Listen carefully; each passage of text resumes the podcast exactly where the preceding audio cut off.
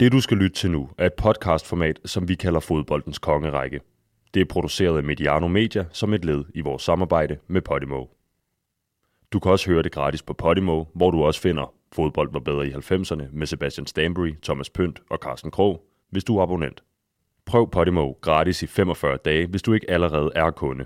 Gå ind på podimo.dk-konge. Hos Podimo finder du også eksklusive udsendelser som Anders og Anders og Hav og Kamal. Rigtig god fornøjelse.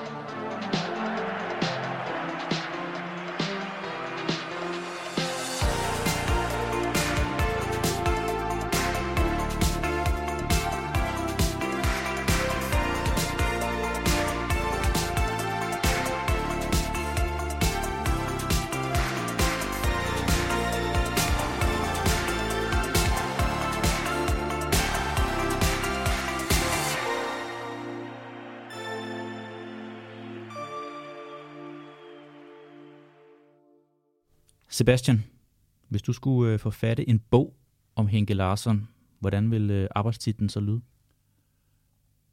verdensklasse på lavere niveau, eller noget af den stil. Nu er det, nu er det lige grebet ud af luften her. Øh, det er jo en af de mindre spillere, vi har talt om. Det synes jeg godt, vi kan sige allerede nu.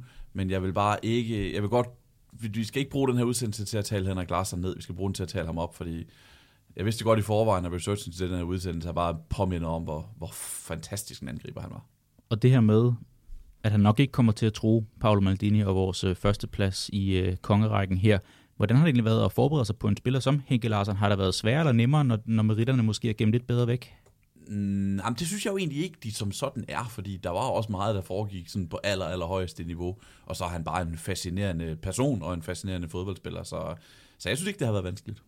Jan, tre ord, der popper op i dit hoved, når du hører navnet Henke Larsson. Du får fire. Ja, tak. Rekordholder, målscorer, atletisk og sympatisk. Sådan. Francis, det danske landshold, de havde lidt udfordringer med øh, målene og den her nier position i lad os sige, nogle af de år, hvor Henke han var på sit bedste. Kunne vi ikke have brugt ham i rødt og hvidt i sin tid? Jo, det er da klart. Øh, altså for sådan at gøre det lidt for simpelt, så det, øh, det der er sværest i fodbold, det er at score mål, og det var det, Henke var allerbedst til. Øh, så, øh, så det kunne vi sagtens, og det, øh, det glæder mig til at, til at, at lige at fortælle lidt mere om. Også fordi, at han var jo en, han var jo en del af, af, af tre spillere, vi kunne vælge. Øh, Ole Gunnar Solskjaer, som jo selv i 2007 var ude at sige, at det er den bedste skandinaviske spiller, vi har haft siden Michael Laudrup. Øh, og det fortæller jo lidt om, at... Øh, at altså, Ole Gunnar var det selv? Nej, det, det Henke var det. Øh, så, øh, og, og det var han jo, fordi han kunne han blandt andet kunne lave mål. Han kunne også en masse andre ting, øh, men det var, at han kunne lave mål. Så det, vi kunne godt have brugt ham på landsholdet.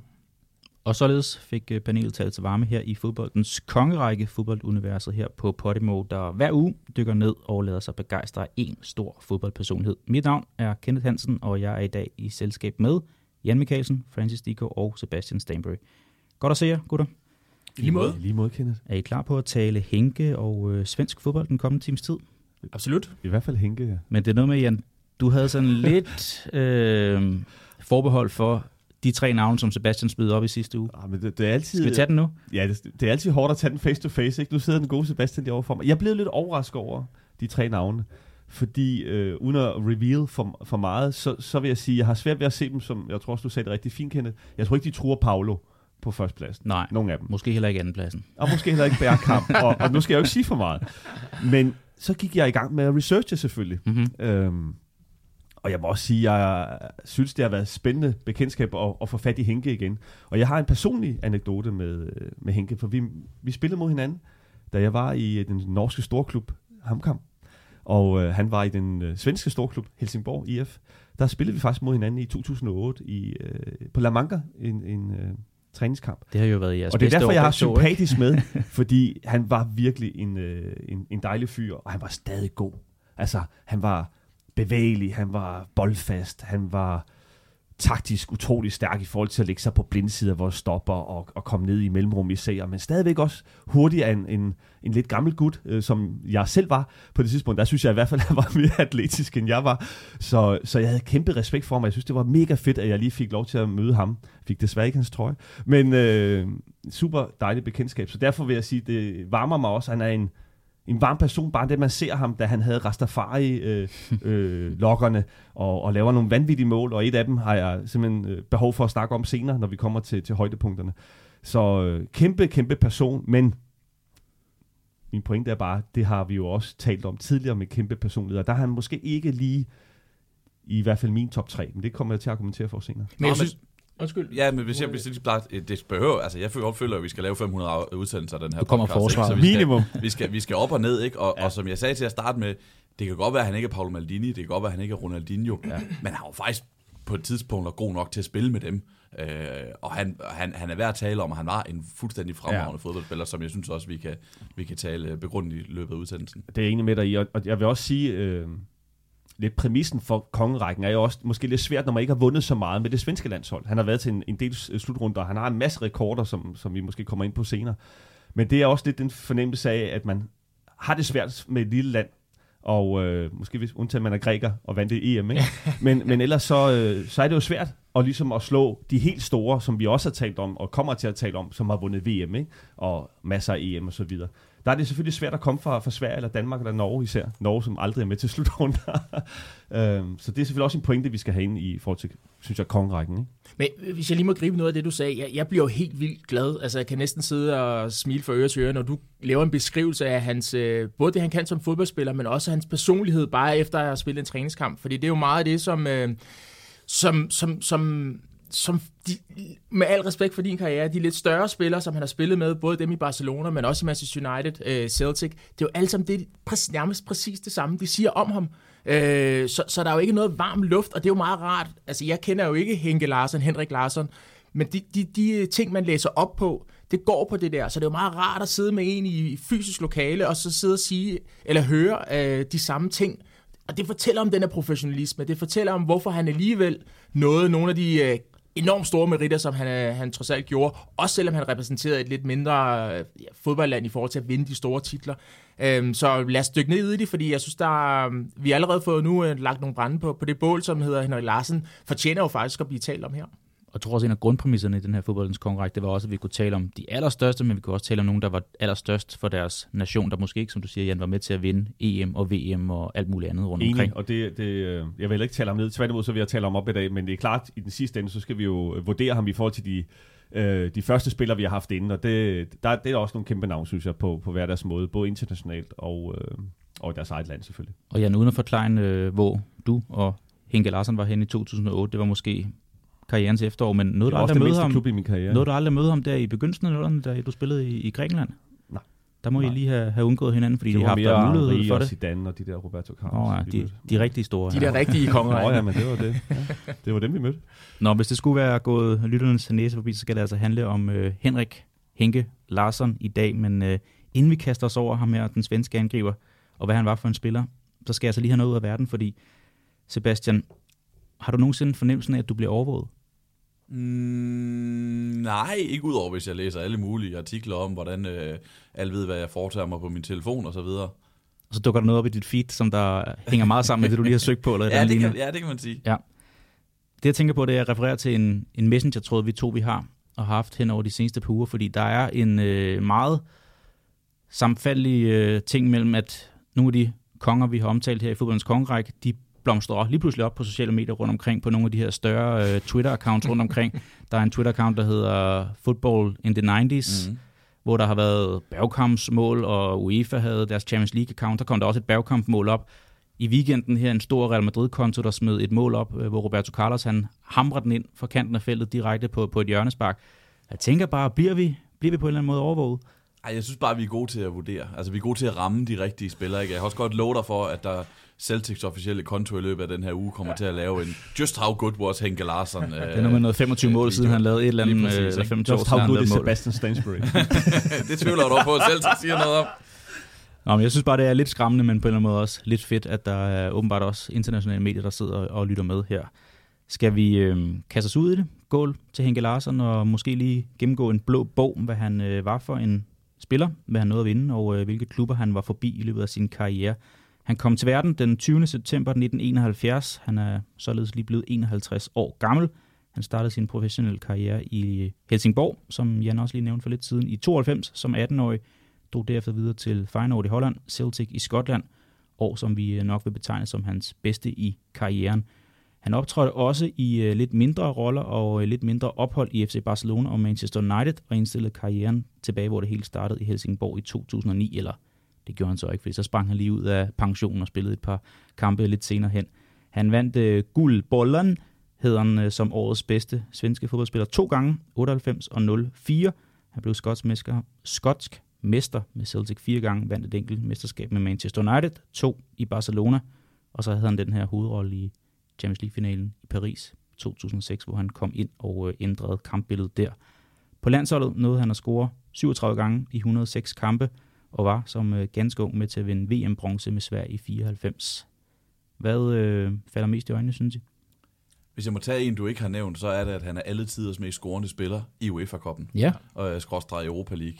Hvilket jo siger noget om, hvor mange... Altså, og så kan man jo betegne ham som den bedste af de næstbedste. Mm-hmm. Den bedste målscorer af de næstbedste, fordi det er jo ikke altid mest scorende spiller i Champions League. Men han har det der med, at han var så god til at score mål på UEFA Cup niveau, og så har han også simpelthen en Champions League-finale, som han nærmest har afgjort. Uh, I hvert fald, han laver to assist for Barcelona i, i Champions League-finalen i 2006. En finale, jeg ved, du er glad for at snakke ja, den indgår ikke i mit manus. det gør den ikke. Som Arsenal-supporter. Uh, så det, det siger jo, for mig siger det, at han ikke, faktisk ikke kun var den bedste af de næstbedste, men at han også kunne spille med med de aller, allerbedste på et tidspunkt, hvor han faktisk er 34 år gammel. Ikke? Nu er det glemt, hvad du sagde indledningsvis, der spurgte dig til den arbejdstitel på den her fiktive bog, vi er ved at skrive om Henke Larsen. Men hvordan vil I betegne ham? Var han verdensklasse, europæisk klasse, eller en af de bedste, som Norden har set sådan i nyere tid? Ja, jeg, jeg vil kalde ham... Øh, jeg vil gå så langt at sige verdensklasse i sin rolle. Mm-hmm. Og det er lige så vigtigt. Han var ikke en superstjerne på den måde, som vi kender Zidane, øh, Ronaldinho, øh, nogle af dem, vi faktisk har dem, på... Dem Jan spiser frokost med. Ja, lige præcis. Mm. Øh, nej, men dem, der, der, der, der, der ligger sig i spidsen her i kongerækken. Men det er at kunne udfylde, udfylde en rolle, sådan at øh, en klub fungerer, et hold fungerer, øh, og han, så han selv øh, får lov at spise op af retterne, så han selv er tilfreds. Øh, der vil jeg næsten gå så langt, nu sagde jeg det før, men der vil jeg faktisk næsten gå så langt at sige, at han var verdensklasse. Øh, fordi det er... Øh, det er en speciel ting. Altså, jeg sammenligner gerne, dem der måske ikke kender mig så godt, jeg sammenligner altid gerne med, med andre sportsgrene, og basketball er en af dem. Og der har du altså fem spillere på holdet, og så har du en sjette mand. Og en sjette mand kan godt være afgørende i forhold til, det handler ikke om, hvem der starter, det handler om, hvem der slutter. Og der har Henke en, en unik evne til faktisk at, at, at kunne øh, affinde sig med, at han i hvert fald i nogle af de steder, vi taler om til sidst, Barcelona og Manchester United, måske ikke på papiret var den bedste, men altid kunne udfylde en rolle.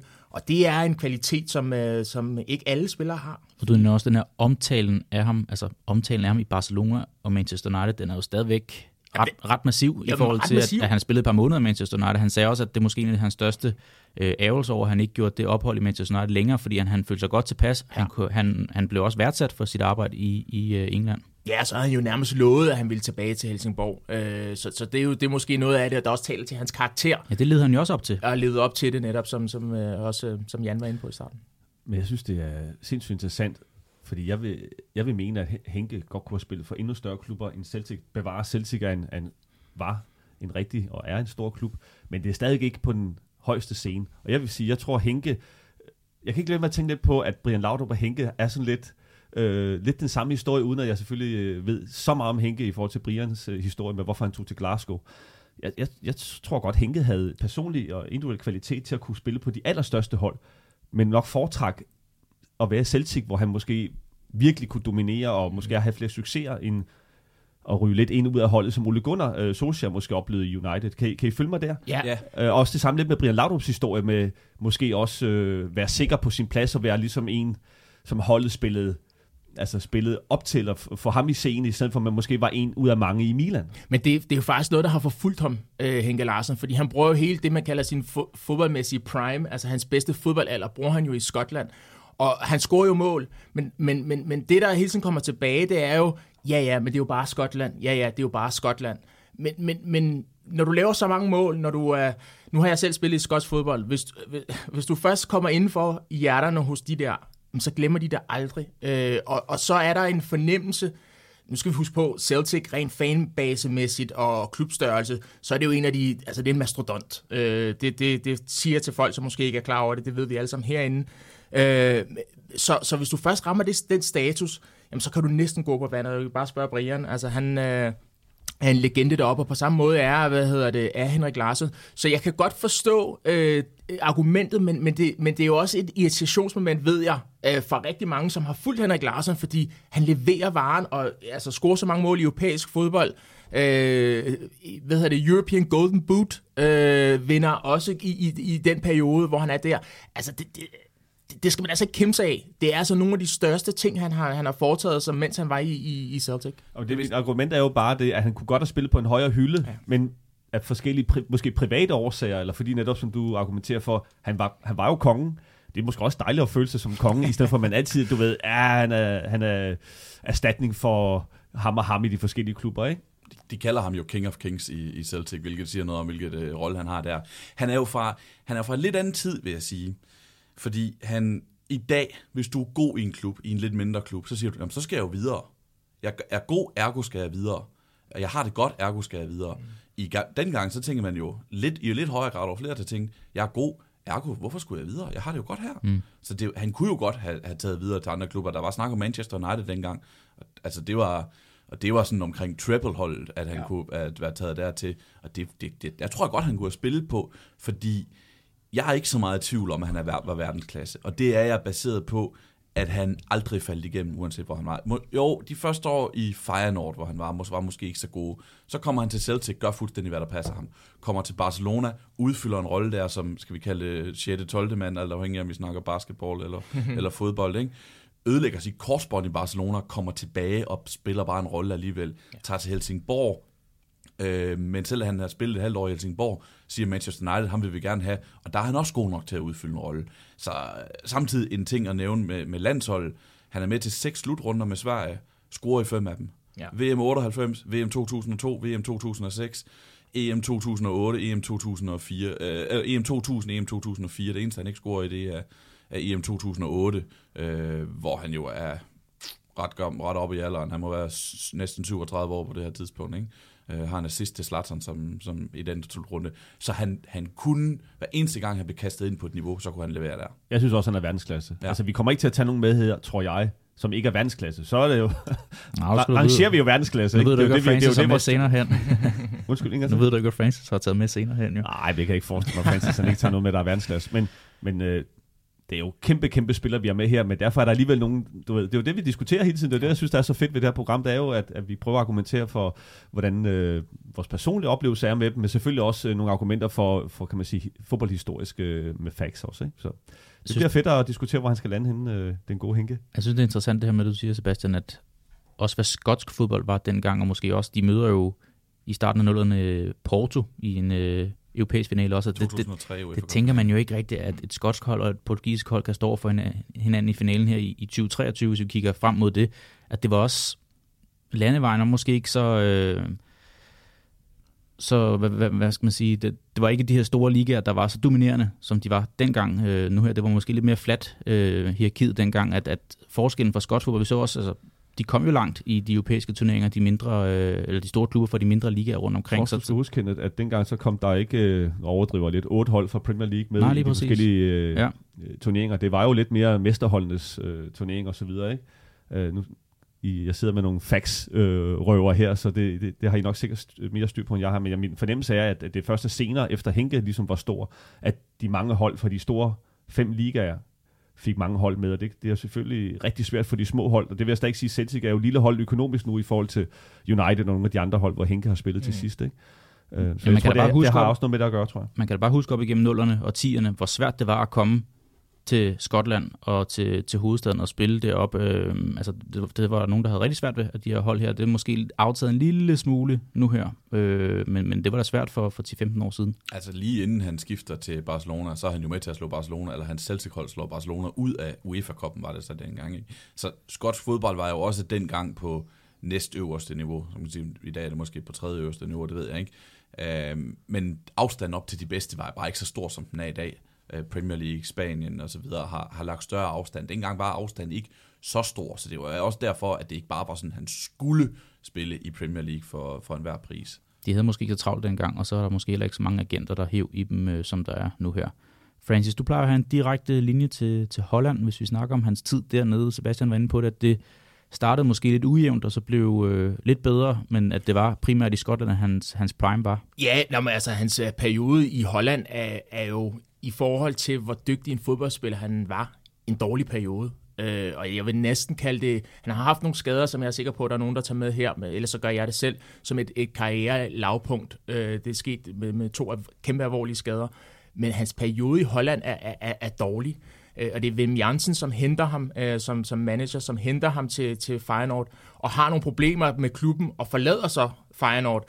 Og der har han altså under Willem van Hanegem, øh, det er faktisk en træner, jeg selv har haft, og Willem van Hanegem er jo Øh, jamen, det, det, det kan måske lyde lidt interessant for folk, men han er i princippet i Holland lige så stor, som Johan Cruyff var. Men han var bare, for, oh, han var bare en Feyenoord-mand, og ikke en Ajax-mand. Og ikke verdenskendt på samme måde. Men, men, men for folket, så vil han være en, som man, øh, man rigtig lytter til. Han var træner, han kunne ikke bruge ham. Da han ikke var træner længere, der kom Adi Hahn også, kunne heller ikke bruge ham. Han spillede alle de tre forreste pladser. Jeg, jeg ser lidt Henke Larsen som en, en angriber, der skal spille i to-mands-system, altså en to-mands angreb. Og han spillede alle de tre forreste pladser, de forsøgte forskellige ting. I starten fik han et, et, et fripas, fordi at, øh, han skulle lige øh, lære tingene at kende. Dengang havde man jo ikke folk til ligesom at sørge for, at spillerne kom på plads og de her ting. Så for en spiller, der kom fra den svenske liga, var det alligevel et stort skridt at tage til, til Feyenoord.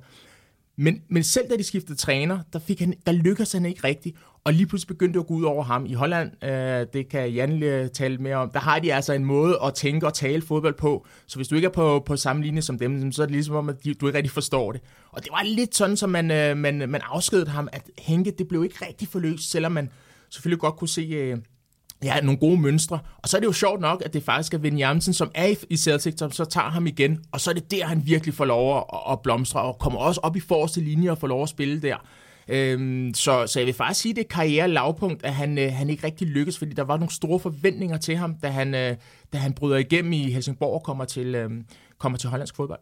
Var det hele tiden lidt spøjst, at han kom til Holland, fordi at de vil jo gerne spille med en angriber og to kanter, oftest i den her 4-3-3-formation, at, at det passer måske ikke til Henke? Ja, og det er der, hvor uh, Jans uh, beskrivelse af ham er, er spot on. Hans, hans øh, atletiske formåen gør jo, at man tror, at han, fordi han er mobil, han er fleksibel, han har godt først, en god førstberøring og selvfølgelig afslutningerne, uh, at han faktisk kan spille forskellige positioner.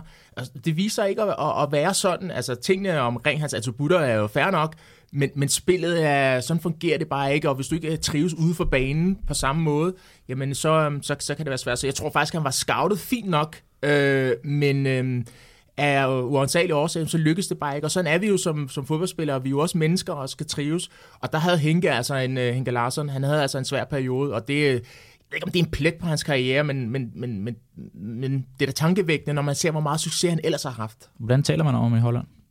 Ja, uforløst. Okay at det er uforløst. Og det ved jeg, fordi jeg har haft uh, Villa van Hanegem, det var det, jeg sådan startede med at sige. Uh, en, som forventer rigtig, rigtig meget, som taler meget fodbold, og uh, ikke sådan en, uh, ikke sådan en der den siger, du skal gøre sådan her, du skal gøre sådan her. Gav frihed under ansvar, uh, og, det, de, og det forsøgte de også med Henke Larsson. Men det er jo en af de største personligheder, der har været, uden at faktisk at få det forløst. Den her Celtic, eller bare kom Sebastian? Ja, det er jo, det er jo, det er jo også... Øh, han er jo næsten 26 år, da han skifter til Celtic, ikke? Mm. Så han, han, han ligner jo en spiller, hvor man tænker, ja, bliver, det, bliver det så til det helt store, ikke? Og så kommer han bare til Celtic og sætter ild til ligaen, og, og bliver en, en, en næsten en verdensstjerne, vil jeg sige, og, og jeg sad og så alle hans 242 Celtic-mål i går på, på YouTube. Det tog godt og vel 20 minutter, og han kan jo det hele. ja. det, det er jo det, der er så fascinerende ved ham. Jeg er jo det enig, jeg synes også, ser ham også som en, en, et, et bedst i et tomandsangreb, men han kan jo løbe dybt, han kan tage slagsmålet ind i feltet, han kan stå det rigtige sted, score rigtig, rigtig mange på mål på hovedstedet, betragtning af, at han kun er 1,77 hold, han kan, øh, han kan lave flugter, han kan loppe, han kan score på alle mulige måder, ellers så kommer han jo heller ikke så højt op af min påstand. Så kommer du ikke op og vinder Golden Boot, hvis du kun kan score på én måde. Han, han kunne det hele. Og må jeg, må jeg afslutte den? Ja det er jo derfor, han er en del. Han blev en del af Ronald Koemans øh, administration, så at sige. Hans trænerstab blev angrebstræner i Barcelona, da Ronald Koeman var der. Det er jo på grund af alle de afslutninger. Der er også nogle bylletinger fra Manchester United, når de havde fælles træning, så, så at sige, med, med reserverne, eller dem, der spillede på U23-holdet. Der var en, der var lige var lidt bedre i den periode, det var Ruud van Nistelrooy. Men ellers så var det jo, så var det jo øh, Henke Larsen, som ligesom skulle vise alle de der variationer af, af afslutninger. Og når du, når du får et, et, øh, et, et angrebstrænerjob i Barcelona, hvor der har været så mange gode angriber, så er det altså, fordi du ved, hvad, hvad det handler om. Øh, hans bevægelser i, i boksen, hans afslutningsmønster på hovedet, højre og venstre, øh, halvt drejet, alle de der forskellige varianter, det var han en mester i. Og det var jo ikke kun Maxi Lopez og Lionel Messi, som han ligesom skulle vise, hvem man skulle sparke, øh, hvordan man skulle sparke til bolden. Det var også Samuel Eto'o. Så altså, vi, vi taler om en af de her rendyrkede, ægte fodboldspillere, som måske ikke på navnet øh, er en, som øh, klinger alle steder, men, men absolut en, en stærk spiller. Der findes et citat derude fra øh, Samuel Eto'o. Jeg håber, det er sandt, fordi jeg kan godt lide det, hvor han siger, at det var øh, Henrik Larsen, der lærte mig at være usynlig. Ja, præcis. Det er ret fedt. Ja. Altså, og jeg forstår, man forstår udmærket, hvad han mener. Det mm. der med at ligge det rigtige sted, ikke? Ja. Øh, løbe, i- løbe i ryggen på en, øh, på, på en, anden, eller i, på en forsvarsspiller. Øh, sørg for at dukke op, hvor han man ikke kan dækkes op. Det, øh, det er ret fedt. Jeg synes, I tester min øh, sådan Arsenal styrke i dag. Vi, vi har snakket om den her finale i, i 06. Du nævner Ruud van Nistelrooy, der om nogen var Arsenals onde ånd. Altså det, hvis det ikke gik så godt, så ville jeg være en, en ramt herre nu her. Sebastian, du siger, at det, det var godt i øh, Celtic, men hans debut ender med at være lidt, lidt halvskidt, hvor han kommer ind, og så øh, spiller bolden direkte hen i fødderne på en modstander, der så resulterer i et 1-2 nederlag også. Men han, der rejser han så jo også, og vi kan jo sige, det her tomands angreb med Chris Sutton, det tror jeg, at øh, Martin O'Neill, han synes, det fungerede ret godt. Det er jo mod, øh, mod Francis gamle klub Hips, Hips. at han, øh, at han laver en øh, Jesper Olsen, en Jesper Grønkær, og lægger op til deres sejrsmål. Og i hans første europæiske kamp på hjemmebane, der laver han selvmål. Ja. Så han fik noget af en start oven på det der ret uforløste ophold i, i, i hvad hedder det, i, i Holland, til at han så bliver en af de bedste Celtic-spillere nogensinde. Øh, og ja, det blev bare rigtig godt, og det blev bedre og bedre og bedre. Han, øh, han vinder The Golden Boot, efter at han har haft den her, det, nu kan vi tale om, om skaden der, han, han har den der, et, et forfærdeligt benbrud i, øh, i Lyon, hvor han, øh, hvor han brækker benet. Dobbelt benbrud, tror jeg det er. Ja. Jeg så den på YouTube, det var ikke særlig behageligt. Det er Jeg hvert skulle lige så- åbent. Ja. Jeg skulle lige så spørge, tog jeg selv den øh, fornøjelse at gå ind og kigge på de her skader her? Jeg, jeg gik faktisk lidt udenom. I researchens navn gik jeg lige ind Ja. og så for Jeg første godt gang i det. Jeg kunne ikke. 15 år. Eller Jeg, sådan. ikke. jeg har den også som lavpunkt. Altså, det, det, Shit, mand, det- Altså, det er forfærdeligt, og jeg gik netop ikke ind. Jeg er ikke ret god til det der, altså, når der er udsendelser med indsprøjtning og operationer og sådan noget.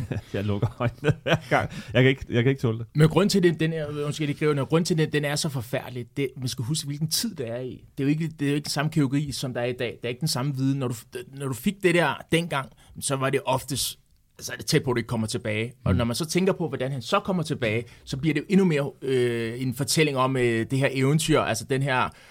Øh, en af mine gode kolleger kalder Martin Brathwaite den, altså den, den gule gummiand. Altså, når du skubber den under vandet, øh, så popper den altid op igen. Øh, og det er jo lidt det samme som, øh, som Henrik Larsson. Altså, du, du kan ikke holde ham nede, når der er så meget kvalitet. Men at få sådan en slem skade i, i den periode, der var dengang, det var altså det var noget svært at komme tilbage på. Men jeg tror faktisk, han er lidt heldig i at bruge det ret rent. Øh, forstået på den måde. Nå, men altså, Ja, nå, men, øh, nå, men du kan, være, du kan have et kompliceret benbrud, Ja, ikke? hvor jeg ja. tror faktisk, hans var jo forfærdeligt at se på, Ja. og, og, og alle kunne jo se, at det var en, en meget, meget slem skade. Men jeg tror, han var heldig i, at, øh, Mm. at øh, brudet var relativt øh, nemt, og, eller forholdsvis øh, nemt at hele. Ja. Så han kom jo ret hurtigt tilbage, faktisk. Der, der er et ord, vi, vi mangler at nævne øh, omkring Henrik Larsen, og det er kølighed. Kølighed, som han er kølig som person, og han er i den grad også kølig i angrebet. Mange af de der afslutninger, han har, der, der lægger han jo bare stille og roligt ind med en, en berøring. Ikke? Men han, øh, jeg synes også, det er relevant at bruge i, øh, i sammenhæng med den her skade, i, han får i 1999. Fordi han siger selv, at det gør faktisk ikke ondt. Han kan ikke mærke nogen smerte lige i øjeblikket, i, i første øjeblik. Og så siger han til dommeren, jeg tror, jeg har brækket mit ben. Og så siger han, at han sidder på, øh, på, på banen der i Lyon og begynder at tælle måneder. Det er en gang i efteråret 1999, så det er sådan noget november, december, og så sidder han og tæller måneder, hvor, lang tid har jeg egentlig til at blive klar til EM. Og han bliver klar til EM mm. i 2000. Det er en vild historie, det, Det, der. det er, og den er god nok, Ja, han, har, han har selv fortalt den, ikke? Ja. Så der, der havde han også bare den der mentalitet, og den der, sige, "Nå, men jeg skal tilbage til EM, og det må jeg bare blive, ikke? Og han var ikke, han var ikke, han var ikke på sit høje niveau lige der til EM, på trods af, at han altså får scoret mod øh, Buffon i en kamp mod Italien. Men øh, han er på vej til at nå sin absolut, sit absolute peak på baggrund af et vanvittigt benbrud. Og det her med køligheden, det var måske også allerede noget, der gjorde sig gældende i hans unge år, hvor han sagde, at han var jo, hans far kommer fra Kap Verde, så han, han, han så måske lidt anderledes ud end, end mange af de andre svenske børn, han, han gjorde sig med i, i skolegården og blev udsat for racisme, har han jo også sidenhen sagt, at men det tog han jo egentlig også meget afdæmpet og køligt, og sagde, at det var måske nok bare naturligt i forhold til, at han så anderledes ud end de andre, så allerede sådan køligt fra, fra de første år af sin barndom. Skal vi hoppe ud i det her med, øh, Hvis, må jeg lige have en, en pointe omkring det med, med, med racismen, Ja. og hvad, hvad han ligesom var. Fordi han repræsenterede jo også noget nyt i Sverige. Ja. Og han var jo så... Øh, han siger jo selv, det var der, jeg lærte at kæmpe, da han blev ramt af den racisme. Men han... Det var jo ny, nyt, da han bryder frem i 90'erne med en mørk, øh, mørk spiller i svensk fodbold. Samtidig var han jo bare så umiskendeligt svensk. At der findes et, et helt forrygende billede af ham, hvor han ligger med sådan en med sin rasta, øh, sit rasta frejehår, og så sådan en øh, midsommerkrans der, ikke? Han var jo så svensk i sin, i sin stil og sin væremåde. Han havde bare en lidt anden hudfarve end de andre. Og der findes en berømt kamp i svensk fodbold i VM-kvalifikationen 1993, hvor, øh, hvor det er ham og Martin Dahlin, Ja. der scorer begge mål i en, i en kamp på vej mod, at de kvalificerer sig til VM for 1994. Øh, og det, det, det, det var stort, altså det der med, at to mørke svenskere scorer et, øh, de to vigtige mål for landsholdet, der er med til at sparke den til VM. På den måde så repræsenterede han noget nyt, øh, og, og hjalp i, måske lidt ind i forhold til noget integration. Ja, der var i hvert fald nogen, der kunne spejle sig i ham. Og han sagde jo senere hen, at han kunne connecte med Zlatan, fordi de havde prøvet noget af det samme i deres opvækst, og, og se en lille smule anderledes ud, og være en komme fra nogen. Øh, se en lille smule anderledes ud, tror jeg primært, fordi han var, han havde en meget svensk opvækst. Det er en god fortælling. Skal vi hoppe til øh, et par højdepunkter? Vil du lægge for, Jan? Du øh, Ja, vil meget meget- gerne tale om det i starten i hvert fald. Meget gerne, ja. Men øh, noget af det er, er, har vi været lidt forbi, men altså for eksempel det, at han øh, den, der laver flest mål. Øh, I hele Europa, i alle ligaer i Europa, øh, han laver flest kasser. Og det er jo bare sigende, jeg kan jo... Øh, ah, det er flot, du har set alle mål. var var det 242? 242 mål Ah, for Celtic. Sebastian, du, er jo, du slår mig på researchen, i hvert fald grundigheden. Men øh, årets målscorer i Europa har jeg skrevet, og så synes jeg også bare det, han har spillet i en sen alder, kommer han til Barcelona og bliver også hentet til United, som, og, og kan klare sig. Det synes jeg også, altså, det er fandme også et kvalitetsstempel, ikke? at man, nå, men så hopper jeg bare ind i den spillestil. Det kan jeg godt finde ud af. Jeg kommer ned til den spanske, det kan jeg også finde ud af. Altså, der synes jeg, øh, der synes jeg, han øh, på en eller anden måde bekræfter det, det indtryk at han hører til her Ja. i, i den her udsendelse. Ikke? Øh, og mit, mit højdepunkt med ham, det så jeg heldigvis i går. Du har også set det så. Altså det mål, han laver mod Glasgow Rangers til 4-1 i, øh, i 2000, hvor han øh, går forbi to, laver tunnel på den øh, bagerste mand for Glasgow Rangers, og så kommer keeperen ud, og så chipper han som med den største selvfølge, chatter han bare over ham og lægger den ind i, i tom mål. Det så så overlegent ud, og som jeg tror også, det var Sebastian, der sagde det, det ser ud som om, at det er så nemt for ham, at han egentlig, altså, typisk set ikke gør så rigtig umage. Det gør han selvfølgelig. Men hans lethed og hans øh, overlegenhed ved det mål, det synes jeg bare repræsenterer øh, den øh, afslutningskvalitet, han, han havde. Så øh, målet mod Glasgow Rangers, det er i 2000-4, det synes jeg er, det skal folk gå ind og se. Det var en fantastisk oplevelse. Må jeg ikke lige til din pointe sige, i forhold til, når han tager til Barcelona, er det, jeg mener, det er i 4-5 sæsonen? To, ja, præcis. Øh, der er han, i forhold til den lethed også, han, øh, han går ind og, og, og tager fat i de spilminutter, han, han nu får. Hans målratio, det er jo kun Samuel Eto'o, der vil via og Ronaldo, der har en bedre målratio, end, end han har. På, altså, han har så mange færre minutter, og han går bare ind og, og, og, og udnytter den tid, han får. Det, det, det fortæller lidt om, hvordan han, øh, han kan sætte sig op til at, og, eller ikke sætte sig op til, men integrere sig selv, hedder det, i, i forhold til at spille på det niveau, øh, spille en helt anden stil end den skotske, det tør jeg godt sige. Øh, så, så, så det taler lidt, øh, lidt til det. Altså hvis jeg må komme med øh, det, det ultimative for mig, stadigvæk som jeg husker, fordi det, det er tættere på, på min øh, sådan, øh, ungdom, det er jo, at han, øh, han scorede årsmål, eller ikke årsmål, turneringsmål i 2004. Altså det der flyvende hovedstød mod Bulgarien, øh, bliver jo turneringsmål i- til EM-slutrunden. Øh, jeg ved ikke, om I kan huske det. Jo. Jo, jo, Der er den fantastisk mål også. Fuldstændig fantastisk mål. Det fortæller også bare, altså det er en slutrunde, hvor han går ind, og, og alligevel er ham, som folk kommer til at tale. Jeg ved godt, de vinder ikke, men, men folk taler alligevel om, om ham, fordi han, han formår at lave sådan et fantastisk mål. Det, det, altså, han har så meget internationalt snit over sig, at, øh, at det næsten bliver kedeligt. Altså, han havde ikke, han havde, altså, han var sådan stabil, stabil, stabil, stabil, og alligevel så, øh, så kan man sidde og undre sig over, at, øh, at at han måske faktisk ikke kunne udfordre Paolo Maldini på den her liste. Altså, han har så mange gode ting, at, at, at, at, at til sidst, hvis du smider det sammen i en, i en pot, jamen så, så, så, så har du en topspiller, så har du en, der, der vi skal tale om i kongerækken. Og øh, score turneringsmål til, jamen det er ikke alt for ondt, og det, det har Henrik Larsen altså gjort. Hvis jeg lige må, må, må nævne et par, par højdepunkter. Øh, han scorede den kamp, der forventer Rangers i at vinde 10 titler i træk, ja. da, da Celtic vinder mesterskabet i 1998 og forhindrer 10 in a row for, for Rangers. Det er en stor ting i Skotland, der scorer han et af målene i den kamp. Han, der, de har ja, på en eller anden måde også spillet på magtbalancen, der skifter lidt ja, i skotsk ja, fodbold. Det, det er det helt klart, og det er i hans første sæson, det sker. Ikke? Mm. Og så har han en, en Liga Cup finale, hvor øh, Celtics vinder 3-0 mod Kilmarnock, og han scorer tre mål. Det siger noget også om, om dominansen, ikke, og hvad han betød for sit hold. Uh, Golden Boot selvfølgelig. Men, men der er, for mig er der ikke nogen tvivl om, om at hans karrieres højdepunkt, hvis man tager en aften, af Champions League-finalen i 2006. Ja. Og bare lige for at, at sætte scenen, uh, det er Stade de France i Paris, Barcelona-Arsenal. Jeg, nu træder jeg lige rigtig, rigtig meget i det, Kenneth. Jamen, jeg er gået. Uh, Saul Campbell scorer til 1-0 for Arsenal. Der mangler en halv time. Arsenal er blevet reduceret til 10 mand ja, efter, præcis. inden da, at Saul Campbell scorer jo. Der mangler en halv time. Uh, Henrik Larsen er blevet foretrækket faktisk til bænken frem for Messi, som har været, har været skadet. Der har været sådan lidt, hvem, hvem kommer egentlig med i, i truppen til den her kamp? Det gør Messi ikke. Det gør Henrik Larsen uh, til gengæld. Det viser helt vanvittigt at være en god idé, fordi uh, efter en halv time bliver sat på banen i stedet for Mark van Bommel, og så lægger han simpelthen bare op til 1-1-mål, som. Samuel Eto'o scorer, øh, score, og 2-1-mål, som øh, Belletti scorer. Ja. Og begge to er, er rigtig gode assist, ikke? hvor han viser det der tekniske niveau, som han også havde. Evnen til at være rigtig øh, god i de gode store øjeblikke. Evnen til at se kampen, spille hurtigt, spille, øh, træffe de rigtige beslutninger. Og så afgør han simpelthen bare den der kamp ikke med to assist.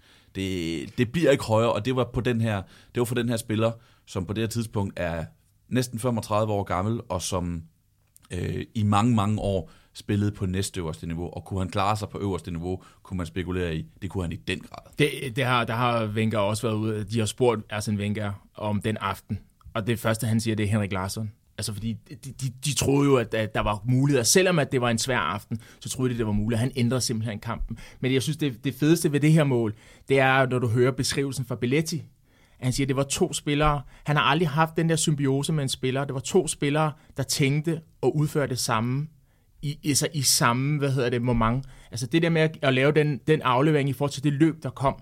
Øh, det, det, det, han har aldrig haft den der fornemmelse. Det, det er så fedt at høre kolleger tale om et mål, hvor der bare er altså, telepati på en eller anden måde. Og det er jo ikke uvæsentligt assist, ikke bare fordi det er, det er Champions League, men måden det sker på, altså det, det, det er klasse ting, han foretager sig. Øh, selvfølgelig skal der noget i forhold til afslutningerne, det er ikke for at være, være ond ved dig og Arsenal, men, men, men det udraderer jo Arsenal hans, hans to momenter i, i, i den fodboldkamp. Altså det er sjovt, fordi Barcelonas tiki-taka sådan noget starter jo først et par år senere, men jeg synes, de her to mål, det er jo inde omkring det lille felt, at, at de her afleveringer også kommer. Mm. Der er mange folk i feltet, men alligevel finder han den plads, som der egentlig ikke er der, Henke Larsen også. Så siger også lidt, at han kunne lave mål med hovedet med venstre og højre, men han kunne åbenbart også sætte sine medspillere op på den måde, han gjorde i karrierens efterår.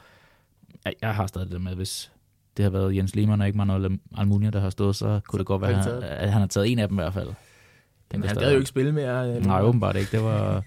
Henri siger også efter kampen, at øh, når man snakker Barcelona, så handler det om Ronaldinho, Eto'o, ja. Ludwig, øh, Schiuli og alle de andre. Men vi bliver også nødt til at sætte fokus på, øh, hvad han er for en personlighed, og hvad han betyder for det her Barcelona-hold, øh, Henke Larsson. Så ja. der var også lidt ord for, fra Titi med på vejen. Ja, højdepunkter.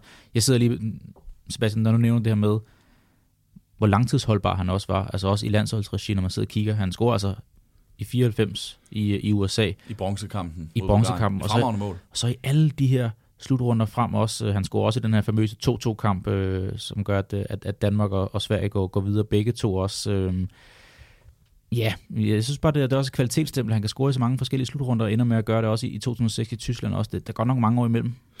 Vi skal, vi skal lige huske, når vi nu taler om, om øh, øh, højdepunkter, inden Slatans periode, der, der er han jo den, der er Nordfeldt, øh, som spillede i Jytteborg øh, i sin tid, hvor de var rigtig, rigtig store. Men jeg mener faktisk, at han bliver kåret til den, den største, sammen med ham, den største svenske fodboldspiller gennem tiden, inden Zlatan begynder at tage sit, øh, øh have sit indtog. Altså synet på Henrik Larsson inden Zlatan, hvis, altså det, det er både fordi han var, øh, han var trailblazer, forstået på den måde, han sparkede nogle døre ind til folk, der så anderledes ud, øh, men, men, men også fordi han leverede i den gule trøje, han leverede i klubtrøjerne, altså han leverede hele tiden, og det han leverede, det var mål. Det er stadigvæk det sværeste i fodbold. Øh, og så kan det godt være, at du ikke står med pokalen til sidst, øh, i hvert fald hvis du er øh, svensk landsholdsspiller, men ikke desto mindre, så leverer han varen i trøjen. Øh, og, og, og de meritter kan ingen tage fra ham. Og så kan det godt være, at der kommer en spiller bagefter, som hedder Zlatan Ibrahimovic, som, som er endnu større, men stadigvæk været en af dem, som har åbnet døren for sådan en som Zlatan. Øh, og det, det, det sætter man altså pris på i, øh, i, øh, i svensk fodbold, og det er også derfor, han tager også kampen i forhold til det her med racismen. Han har sin egen øh, søn, Jordan øh, Larsen, som også har været i problemer i, i svensk fodbold, røg senere til Rusland og ud af Rusland. Så, så det der, han er stadig engageret i svensk fodbold. Så han har, han har mange højdepunkter, øh, og en, en forgangsmand på rigtig, rigtig mange måder, både målscoringsmæssigt, men også i forhold til, hvordan man øh, integrerer øh, og bruger landet og de ressourcer, de har. Og den er Golden Booth i 2001, det er altså foran Hernan Crespo og Andrei Shevchenko. Så også lige kigge på, på vinderne i de år her. Jeg ved, øh, Sebastian Janne på med udsendelse har lige talt om Mario Chadel, der også øh, bonger godt ud der. Så var Nikos Maklas også med øh, i en sæson for Vitesse ja. i jeres division. Kevin Phillips mål året for der også vinder Golden Boot. Der er også ændret lidt på det der Golden Boot, efter der kom et nyt rangeringssystem der, men det, det, det havde også en charme, synes jeg, at de her spillere fra de næst højeste ligaer også kunne gøre sig gældende og vinde den her hedder det her var jo på et tidspunkt, hvor, øh, hvor jeg tror, det er lavet om, så han konkurrerer på, er det ikke det? Det kan, det kan du måske se, øh, om, om, det er, om det er rangeret, øh, eller om, om... Det kan det næsten ikke være, for hvad er det ikke 35 ja. mål?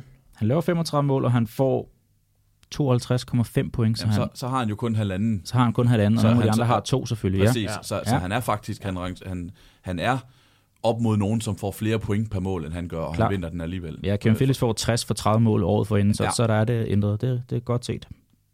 Har vi nogle øh, flere højdepunkter, eller skal vi gå til nogle lavpunkter, som vi også har snakket om, der også var i karrieren? Skal vi gå til lavpunkterne? Jamen for mig er det hans periode i Holland, mm-hmm. øh, når man ved, hvor dygtig han spiller, en dygtig en spiller han var. Og det var ikke sådan, at han ikke fik chancen, som Sebastian også var inde på. Altså han er først 26, da han, øh, da han ryger afsted. De gav ham chance. De forsøgte også at spille ham på forskellige positioner under forskellige trænere, så det jo ikke bare var én træner. Det lykkedes bare ikke helt. Øh, og, og, og ja, øh, det kan man mene om, hvad man vil. Det, det viser at være, være en meget god exit, fordi at det, hans karriere blev kun bedre af det. Men, men, men det er da ærgerligt, fordi Feyenoord også dengang var en, en kæmpe klub, som, som også Celtic øh, var det. Jamen, øh, dit spørgsmål, Kenneth, det var jo Henkes værste tid som fodboldspiller og som person. Mm-hmm. Og jeg har haft svært ved at finde øh, sådan ultimativt ud over benbruddet, som man kan sige, han kom styrke ud af. Men jeg synes, hans trænerkarriere er for mig meget uforløst. Øh, og jeg undrer mig egentlig også over det, fordi det svarer jo til Michael Laudrup. Den status har han jo i, i Sverige. Og han har ikke rigtig fået det til at spille. Og øh, spørgsmålet er selvfølgelig, om han overhovedet har lyst til at være træner med alt det, der øh, er med som træner på det niveau. Altså han blev nærmest jaget ud af Helsingborg til sidst, øh, da de da de ikke rigtig fik resultaterne. Der var nogle voldsomme billeder der, ikke? Ja. Stod nærmest om mundhugges med nogle hooligans fra, fra Helsingborg-området Ja, lige nøjagtigt, ikke? Og, og kom rigtig skidt ud af sin, sin uh, elskede klub, og kom egentlig også og hjalp i nogle perioder, hvor han har slet ikke fået den anerkendelse for det. Så jeg vil sige sådan, jeg tror, hans personlige uh, oplevelse af at være træner har slet ikke stået mål med, med resten af hans fodboldkarriere. Så jeg vil sige, at hans trænerkarriere, den er meget uforløst, og jeg, jeg kunne egentlig også godt tænke mig og, og høre fra ham selv, hvordan han har oplevet tingene. Øh, også hans egen søn blev jo også øh, udsat for noget i, i Helsingborg, ikke? Øh, øh, af nogle forfærdelige ja, Men hvad, tænk, hvad tænker du det? Nu er jo selv Michael Laudrup, hans tid i Brøndby, man kan sige, okay, havde det kulmineret i et lavpunkt i en nedrykning, havde de så også stormet banen og vendt sig mod Mister ude, ude på Vestegnen også i forhold til det. Altså det. Det var jo selvfølgelig også en turbulent periode for Helsingborg som klub, hvor han var i spidsen for det, men jeg synes faktisk, det var ret tankevækkende, at en så stor profil, der har været ikonet i, i sådan en klub, at han kunne få den øh, håndtering og, og ja, fra, fra, fra klubben egen, egen fan. Det synes jeg, jeg var lidt vildt. Jeg synes, det er så trist. Ja. Jeg synes simpelthen, det er trist. Altså, tænk, at man har et...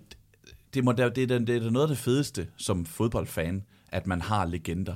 At man har nogle personer, man bare kan, kan elske på den måde, som man som Helsingborg, man kan elske Henrik Larsson og at tænke, at man vil, vil slå det ihjel ved at behandle ham på den måde. Altså det vi snakker om, det er, at han, da de rykker ned i 2016, nærmest bliver ja, nærmest korporligt angrebet. Ham og Jordan, hans søn Jordan Larsen er nogle fans.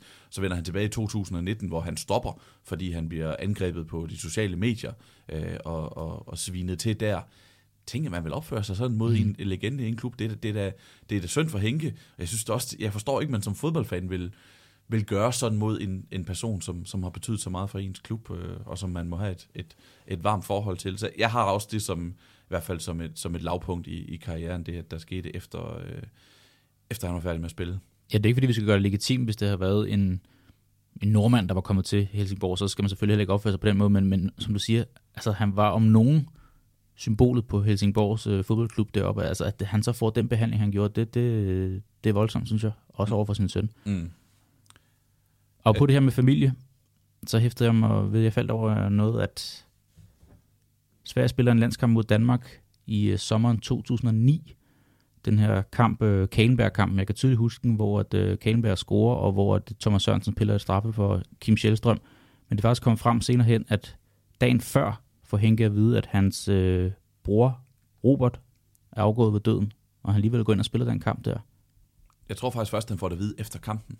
Ja, okay. Øh, at det sker inden, men han får det først at vide efter kampen. De gemmer ja. infoen. Ja, de Ja. gemmer infoen, så han Okay. først får det først at vide. Det giver på en eller anden måde bedre mening, selvom det også er sådan lidt umenneskeligt på en eller anden måde. Ja, øh, og hans bror, jeg kæmpede jo med et narkomisbrug i mange, mange Mm. år. Og der, der Henrik Larsen har jo selv talt om det som et af, et af ikke karrierens, men livets store nederlag for ham. At det aldrig lykkes at gøre noget ved det. Øh, at han aldrig lykkes at få sin bror på ret kurs, samtidig med, at han også heller ikke brød sig om, at hans bror forsøgte at give ham dårlig samvittighed i forhold til nogle ting og sådan noget. Så det er i hvert fald en, en personlig nedtur, han har haft, øh, og, en, og, en, og en trist stund for ham også. Har vi andre ting? Jeg synes, vi vil nævne det, han selv kalder sin karrieres største nedtur. Og det er ironisk nok, fordi så var det en af karrierens største kampe for ham. Og det er UEFA Cup-finalen mod Porto i 2003, som du også har nævnt tidligere, Kenneth. Som de altså taber 3-2 til Porto, Celtic, hans Celtic-hold, og han scorer begge mål. Mm. Og så taber det alligevel. Og Ja. det siger både om, det er en kæmpe, kæmpe kamp, og selvfølgelig var Henrik Larsson der. Selvfølgelig scorer han to mål for sit hold. Men det lykkedes ikke at vinde det der europæiske trofæ til Celtic, som han så gerne vil til, til sin hjerteklub i, i Skotland. Nej. Det må også være en øh, mærkelig smag i munden at have lavet to mål, og så se, at øh, det modstanderhold, der står og løfter pokalen nede øh, i midtercirklen. Det var også det, der fik øh, en, kom jeg til at tænke på, Michael Mays i sin tid at blive, til at blive bordtennisspiller. Det var det der med, at han, han spillede en kamp som, som fodboldspiller, som, som barn, hvor de, han scorede to mål, og så tabte de 3-2. Og så sagde han, Det gad kan han jeg ikke, det gad han ikke mere. Det, jeg, jeg er individualist. Jeg kan, ikke være, jeg kan ikke leve med, at jeg gør mit arbejde, og så taber vi alligevel. Ikke? Men der var Henrik Larsson en anden, fordi han ser det jo ikke på den måde. Men var det ikke noget med, at han fik en medalje i dobbelt i bordtennis? Det er rigtig rigtigt. Med Finn Tugvild. OL så, øh, så det kunne han alligevel godt øh, se sig spille med en marker vi senere snakker om hen. Michael i Jamen, jeg synes lige, det hørte sig til. og, og min point var, Det at er ikke set kom. Han, Henke Larsson var jo en, netop en holdspiller. Ja. Ja. Altså, så han ser det jo ikke som om, at øh, hans hold har svigtet ham i sådan en kamp. Jeg tror selv mere, at han tænkte, at han og holdet har svigtet de der millioner af Celtic-fans, der findes. Faktisk i den sæson, han ryger til United, der har han ikke spillet nok kampe til at få en medalje. Der får de faktisk en dispensation, fordi øh, Alex, så Alex Ferguson giver øh, søger en dispensation, så han faktisk får en winners medal, øh, selvom han ikke har kampe nok. Det fortæller jo også noget om, øh, den impact, han havde i den periode, han var, øh, at man, man går den, øh, det ekstra, ekstra skridt. Øh, så jeg ved ikke, om det var nok ikke plaster på såret, men, men, men det er da meget rart, at sådan en kæmpe klub alligevel tænker, okay, så, kan- så kan du, så kan du, du har, du har bidraget øh, til det her. Jan, du regner ikke med, at vi skulle tale om bordtennis. Øh, hold lige på hat og briller, fordi nu hopper vi ud i øh, det her wiki-viden. Er du Ja. klar til at tale om Jeg floorball? ved godt, hvad du siger. Ja, jeg, jeg har den selv med. ved, ved du, hvor stort... Ja, du, har, du har spillet i Norge. Ved du, hvor stort floorball er i Sverige? Nej. Gigantisk. Altså, jeg, jeg har i mit tidligere arbejdsliv arbejdet for et sted, der hedder Infostrata Sports, hvor at, øh, man sad inde på kontoret i København, og så øh, skulle man statte altså, resultater ned for alle mulige sportsgrene. Og der var floorball også en del af det, fordi at i Sverige kører man jo stadigvæk med tekst-tv. Og de er meget vilde med at få hurtig opdatering på tekst-tv, også på floorball. Kan Så man få hurtig opdat- opdatering på tekst-tv? Nej, det er sådan noget hver femte minut, eller sådan noget. Den, Ja, det er det, jeg den, den ind og sådan. Og så sidder de øh, op ved og spiser knækbrød et eller andet sted oppe i Sverige, og så får de... Øh, Ellers så har vi ingen generaliseringer her på programmet. men der Deres var, lange lyse hår. der var altså nogle dage, hvor man skulle opdatere 1000 floorballkampe.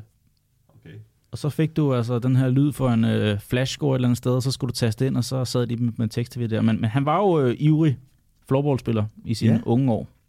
Ja, og også efter karrieren har Ja. jeg da i hvert fald øh, researchet mig frem til. For det synes jeg var, jeg ved ikke hvor nyttig viden det er, men jeg synes det var bare meget sjov viden, at han så åbenbart lige har spillet et par indebandykampe på, på højt niveau. Jeg tror ikke, du må kalde det indebandy. Det er der er Nå, det står, på sådan det. står det i hvert fald. Det, Nå, okay, ja. Nå. Hedder det floorball øh, sådan officielt? Floorball og indebandy, det er, jo, det er jo på is. Ja, okay. Nej, det indebandy er god nok. Det hedder det. Så hedder det bare bandy, undskyld, det der på is. Ja, det Ja, nu er det mig, der, der, der cykler helt rundt i det. Indebandy er god nok. Jeg synes også, at efterhånden, øh, jeg kan kalde mig lidt en ekspert i, Connoisseur. i, i, i connoisseur i indebandy. Med alt det, jeg har læst op. Det er stærkt. Ja. Kenneth, der kan du selv se. Der, der, ja, vi skal, vi skal have fat i den der bandykarriere der. Ja, Fordi det, det kan jo være, at jeg har siddet og tastet ham ind. Han faktisk har scoret nogle gange. det kan jo sagtens være. Ja. Han, han spiller jo syv kampe som 18-årig i den bedste række i Sverige i, øh, øh, i, i, i bandy, og scorer seks mål. Og hans daværende træner siger, siger mange år senere, at han, hvis han havde sat sig på bandy, så var han blevet en af de 10 bedste spillere i verden. Og, øh, Altså, ud af 12. Eller? Ingen fordom. Ej, Ingen fordom. Ikke fordom, det er godt, friends. øh, og, øh, og så begynder han jo faktisk også at spille bandy, spiller nogle kampe på højt niveau, da han vender tilbage til Helsingborg, øh, i, i den, spiller nogle kampe i den bedste række, og scorer også mål i den bedste kamp, øh, række. Øh, så det, det, det er jo noget så fascinerende, det der med fodboldspillere, som kan i flere sportsgrene. Mm. Og ham her var altså også god nok til at gøre det på højeste niveau i Sverige. Det er den svenske Knud Lundberg. Jamen, er der, er der en sammenhæng? Hans søn hedder Jordan. Michael Jordan, han gik jo også væk fra basketballen over til baseballen. Han er øh, Jordan Larsen opkaldt efter øh, Michael Jordan, Mm. fordi han blev født i ugen efter, at, øh, at Jordan havde vundet sit femte, femte NBA-mesterskab med Chicago Bulls. Har vi andre øh, spøjse ting, vi faldet over? Ja, jeg, jeg kiggede inden han blev øh, altså, hvad hedder det, fuldtidsprofessionel i, øh, i øh, Helsingborg. Der spiller han i den lokale klub, der hedder Høgerborg, tror jeg, hvis jeg udtaler det rigtigt. Øh, og der er han deltidsprofessionel øh, og plukker faktisk frugt Ja. øh, ved siden af. Det synes jeg er sjovt. altså det kunne jeg også, det er jo også ret svensk, er det ikke det? Jeg så sidder og, jo, gub, og sidder op i de der, og så sælge til en grønhandel, eller hvad? Med det sit har været, rest af ikke? hår. Med sit rest af hår. Og spiser Øh, shirtboller. Ja, altså, Ja, men, undskyld, jeg afbryder, men det er jo en interessant pointe i forhold til Henrik Larsson, fordi måske er det derfor, han ikke er på Paolo Maldini-niveau. Fordi da Paolo Maldini var 16-17 år gammel, så ryger han direkte ind i Serie A. Ja. Og Henrik Larsen startede bare lavere ja. i et øh, fodboldland, der var på lavere niveau. Det er jo net, cirka næsten samme tidspunkt, det her det foregår. Ikke? Øh, så Henrik Larsson var også god nok til at spille på højt niveau for Høgerborg, eller i hvert fald til at spille for den klub, han var i. Men det hele gik bare lidt langsommere. Ikke? Så det, det, gik, det tog længere tid, før han kom op på, pointe. på, på, på højeste niveau, fordi han spillede i sin barndomsklub, til han var senior. Ikke? Ja. Øh, mens med Paolo Maldini også spillede i sin barndomsklub, men hans barndomsklub, det var bare AC Milan. Der er så lidt det betød, forskel. at når han Ja, debuterede på hans far førsteholdet, var Milans spiller. ja, Ja. ja, også det, ikke? Ja. Så øh, det tog bare, det er også derfor, at han, han tog skridtene lidt langsommere. Det er også derfor, han først bliver en superstjerne, da han er sådan i den sidste halvdel af 20'erne. Ikke? Det, han skulle bruge noget længere tid, fordi han kom fra et lavere udgangspunkt. Jeg har en sjov en, Kenneth.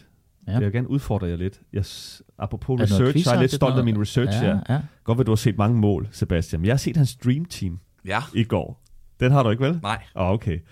Hvilken dansker tror I, der er med på hans Dream Team? Han har sat sit drømmehold. Ja, Jeg har et gæt.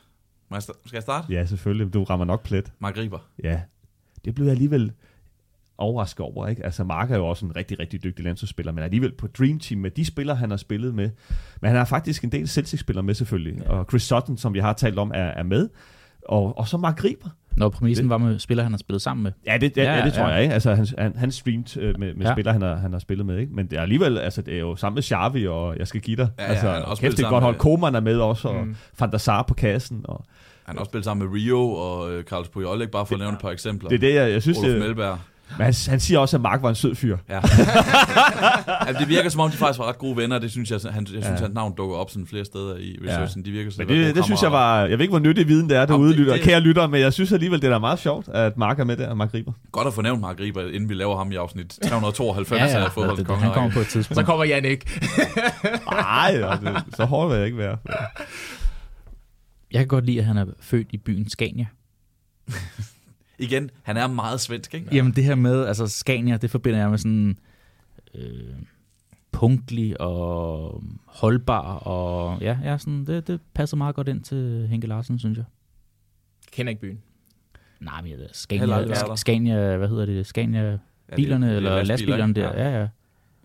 der, kommer, der fragter noget fra jeg, et sted ikke til et lige, andet. jeg kan ikke lige forbinde det på Nej. samme måde, men anyway, den har du lidt for dig selv. Jeg, jeg, sad, tror jeg sad og grinede over det. Så fik han sin første bold som øh, 16 måneder gammel, og hans inspiration til fodbold kom givetvis, fordi hans far satte en video på af Pelle. Det er også meget godt at blive øh, inspireret på den måde. Og så faldt jeg, øh, jeg faldt faktisk ikke, jeg fik noget foræret på Twitter den anden dag.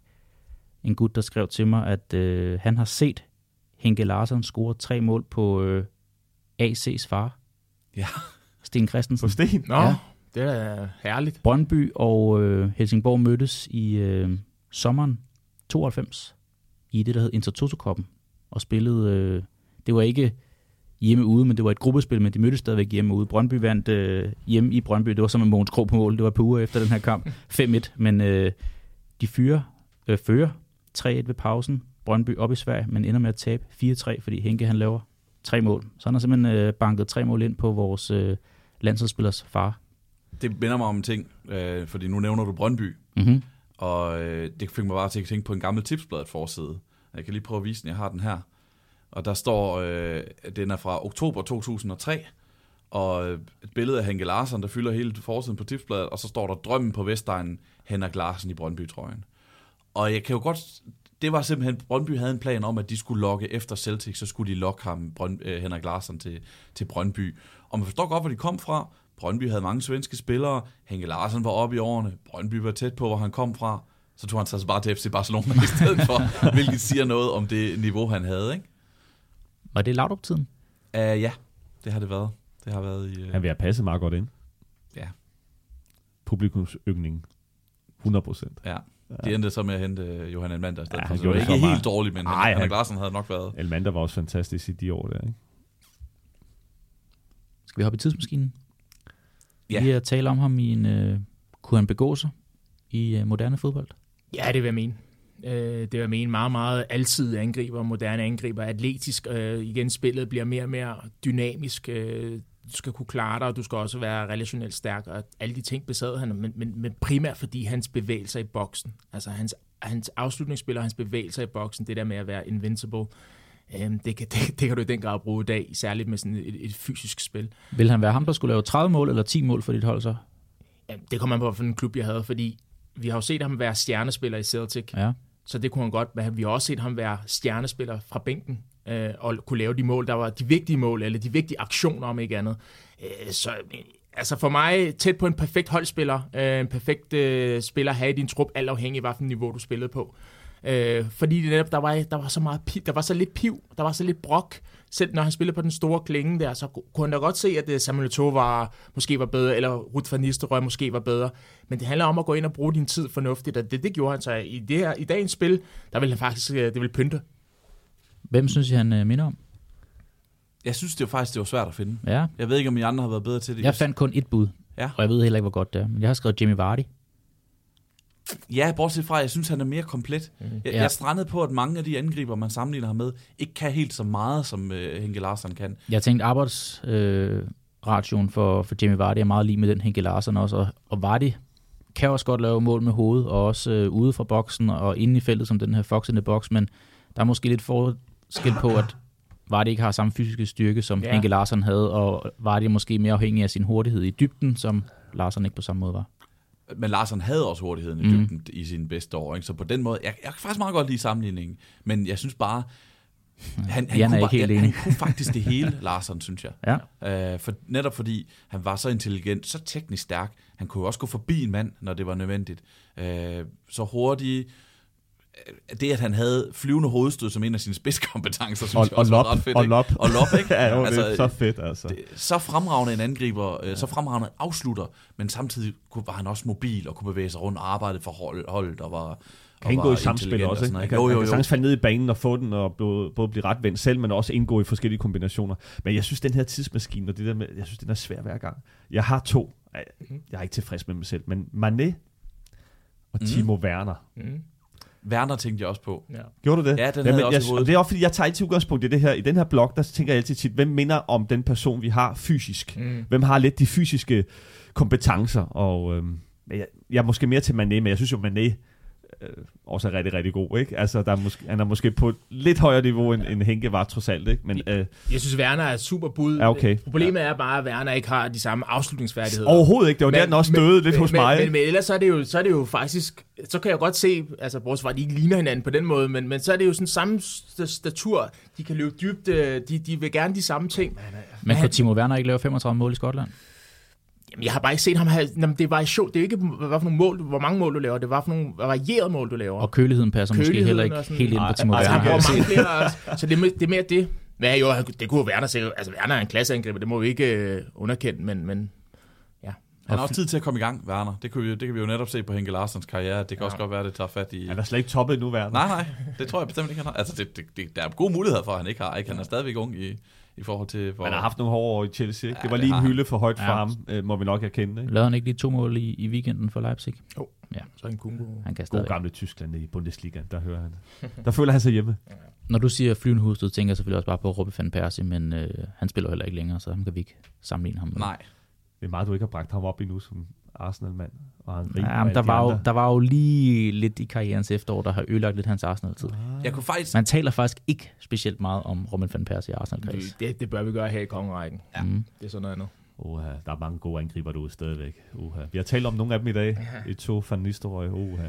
Skal vi, øh, det er jo afsnit nummer syv, så vi har seks folk op på øh, kaminhylden. Nu sidder vi faktisk i et lokale dag, der har en, øh, et sted, hvor der godt kunne stå nogle folk op på. Skal vi lige øh, liste den op for god ordens skyld? Paolo Maldini, etter. Ronaldinho 2'er. Roberto Carlos fik vi placeret som nummer 3 sidst. Fernando Hierro som nummer 4. Bergkamp nummer 5. Paul Scholes nummer 6. Hvor skal have Henke Larsson hen? Jeg tror, vi ender med at være enige. Det, det er i hvert fald mit gæt, at jeg har ham på syvende pladsen. Mm. Jeg har ham ikke på sidste pladsen, jeg har ham på syvende pladsen. Ja. Fordi det er ikke en, en kritik, at han ender dernede.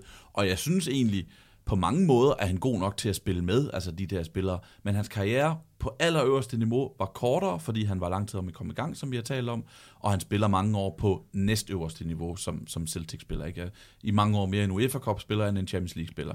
Men så har han så den der Champions League til at gøre, at jeg synes, han er værdig i det her selskab. Men, men hvor de andre, mange af dem spillede, altså Maldini spillede mere, mere end 20 år på, på, på et af de bedste hold i verden. Ikke? Det gjorde Henke ikke helt, så derfor har jeg ham på syvende pladsen.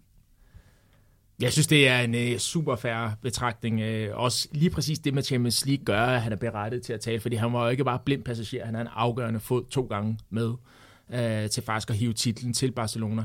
Um, og øh, det klædte Frank Rijkaard at have en type som ham. Øh, det gjorde jo også lidt forskellen på, hvad, hvad, hvad, hvad for en type skulle du bruge i Barcelona.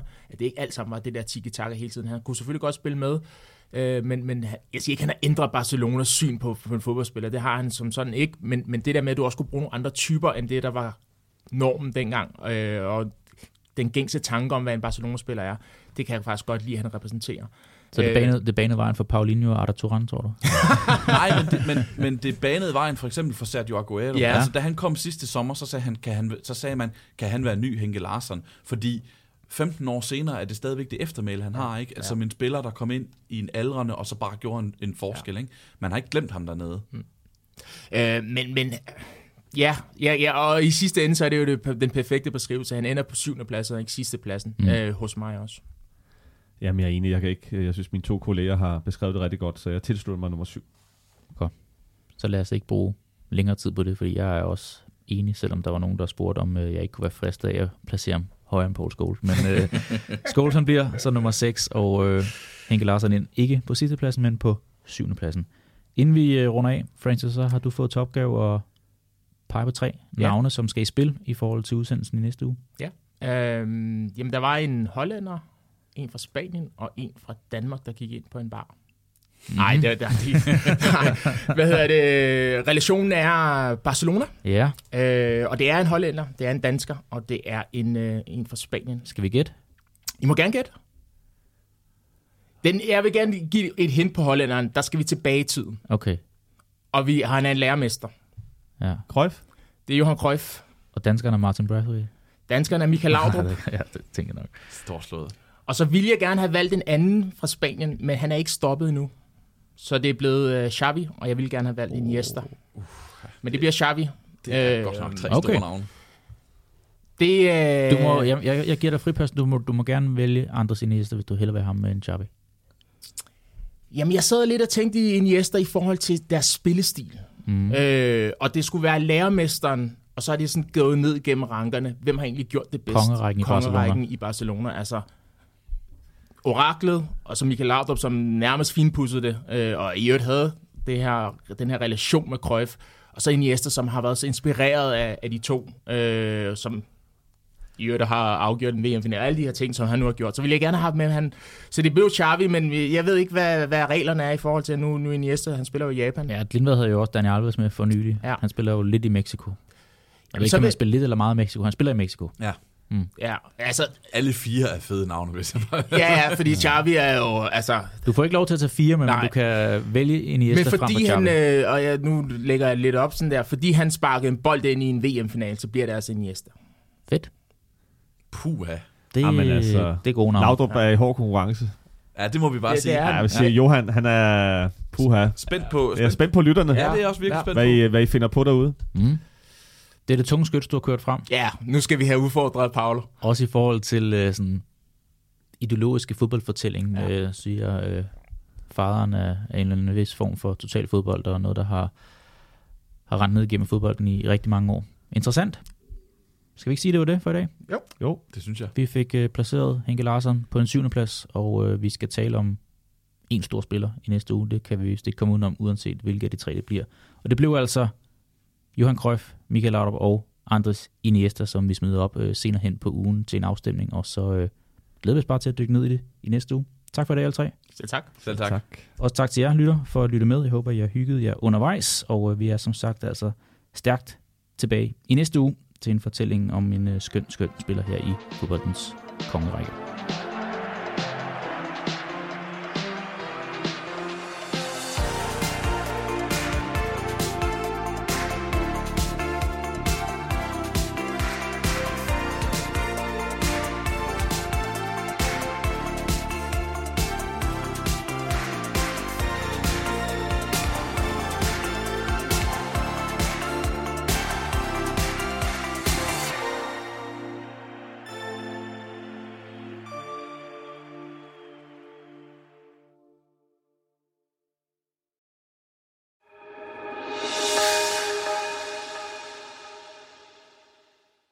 Du har lyttet til Fodboldens Kongerække.